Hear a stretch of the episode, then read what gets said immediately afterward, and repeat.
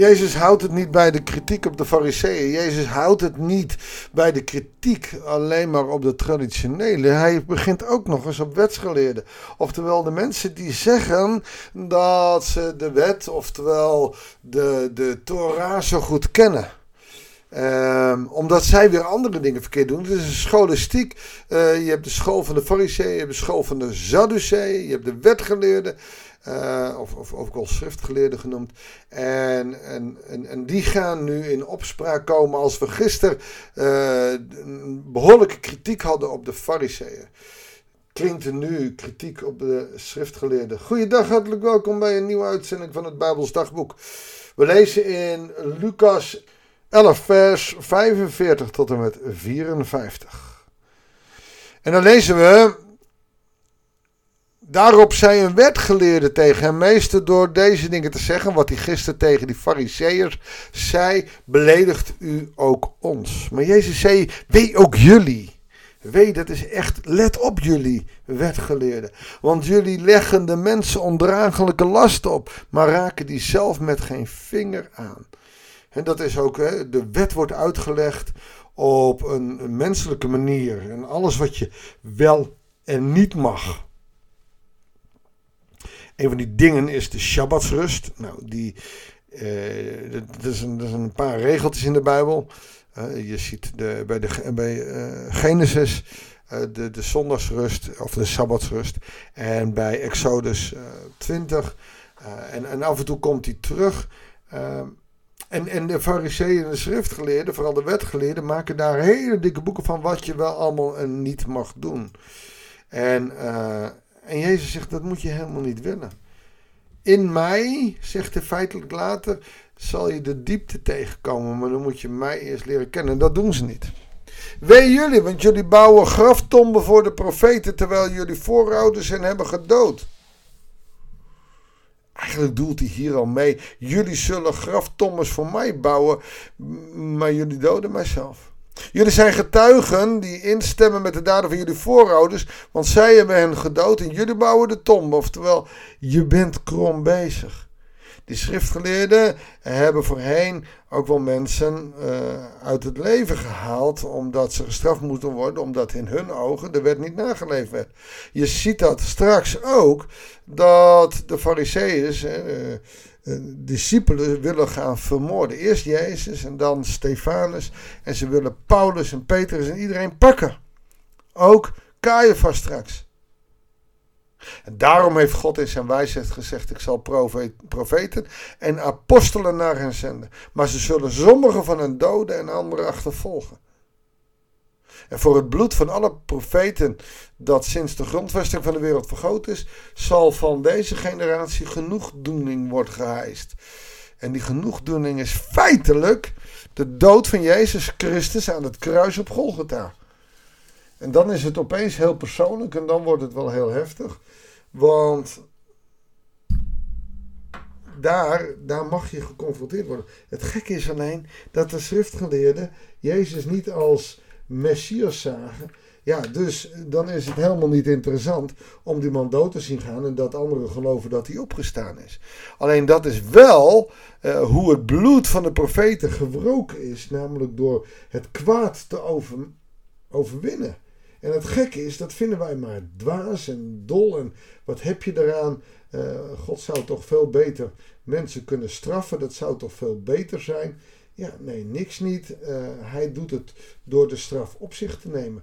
Dat is bijzonder, maar dat is voor de wereld ook meteen dwaasheid. Van het bloed van Abel tot het bloed van Zacharia, die omkwam tussen het altaar en het heiligdom. Ja, ik zeg jullie, van deze generatie zal genoegdoening worden geëist. Wee jullie wetgeleerden, want jullie hebben de sleutel tot kennis weggenomen. Door alle regeltjes, door alle verkeerde uitleg. Zelf zijn jullie niet binnengegaan. En anderen die wel binnengegaan zijn, hebben jullie tegengehouden. Dus de goeie zijn altijd door de kwade overmeesterd. En toen hij het huis verliet, waren de schriftgeleerden en de fariseeën uitzinnig van woede. Ze begonnen hem over alles uit te vragen in een slinkse poging om hem te betrappen op een ongeoorloofde uitspraak. En ik geef het je te doen om Jezus te pakken op zijn uitspraken. Want ze waren altijd scherper en de fariseeërs die, die dropen altijd af. Nou, en dat is iets waar, ja, waar je, je kan er niet tegenop. En gelukkig maar. En het mooie vind ik bij Jezus, uh, hij hield het ook bijna altijd rustig. Hij kon het met woorden aan, zonder zich te verdedigen, maar hij wist er altijd zo'n slinger aan te geven. bijvoorbeeld op een kennis van de uh, Torah. jullie hebben gelijk, maar. En, en dan gaat Jezus nooit om mensen af te maken. Maar hij waarschuwt ze wel, wee u. En daar kunnen wij niet tegen. Ik vind het ook moeilijk als iemand tegen me zegt, Dirk, kijk uit. Ja, jongens, daar zit ik niet op te wachten, op kritiek. En toch is het van belangrijk als het maar opbouwend is. En Jezus probeert dat zelfs met de fariseeën gewoon op een, uh, op een nette manier. Wee jullie, ik waarschuw jullie, staat hier. Ik waarschuw jullie dat je daar niet uh, op kapot gaat.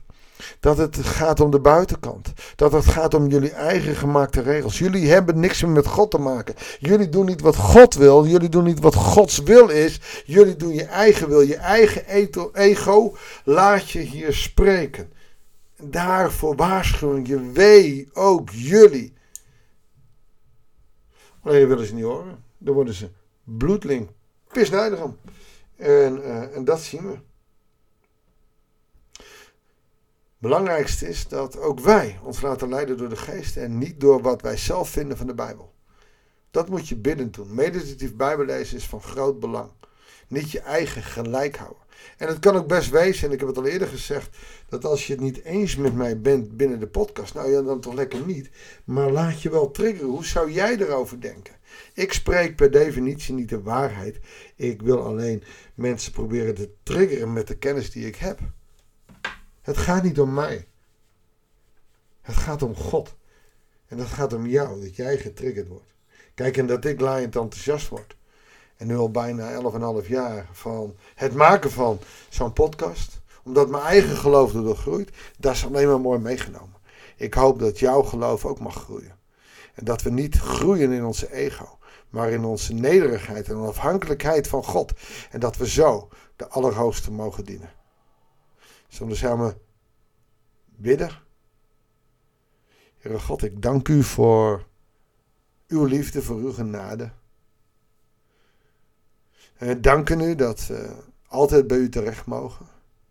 Maar dat als we op het verkeerde pad zitten en onze eigen ego laten spreken, Heere God, dat die woorden ook klinken aan ons. Wee u! Wee jij ook in 2022, als je denkt het beter te weten dan jouw God.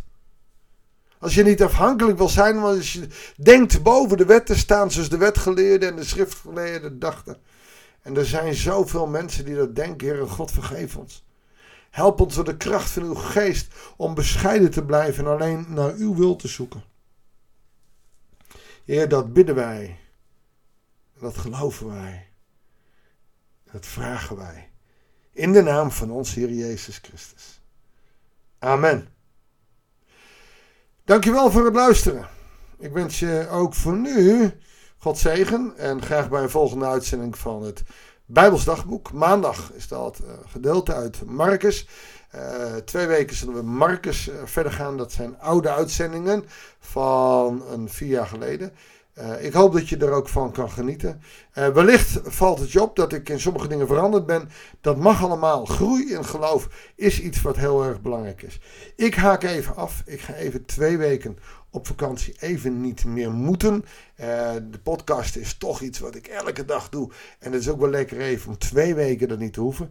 Maar ik realiseer me wel degelijk dat ik dan meteen het risico loop om heel weinig stille tijd te hebben. En dat wil ik niet. Dus ik hoop uh, dat ook ik een stukje discipline kan opbrengen. En in de vakantie met God bezig kan zijn. Want ik mag dan op vakantie gaan. God is niet op vakantie. Hij gaat met je mee. Of je nou thuis blijft of ver weg gaat. God gaat met je mee. Ik wens je God zegen. En veel plezier met de komende twee weken ook. En over twee weken uh, zien we elkaar of horen we elkaar weer. Uh, tot dan graag. En het ga je goed.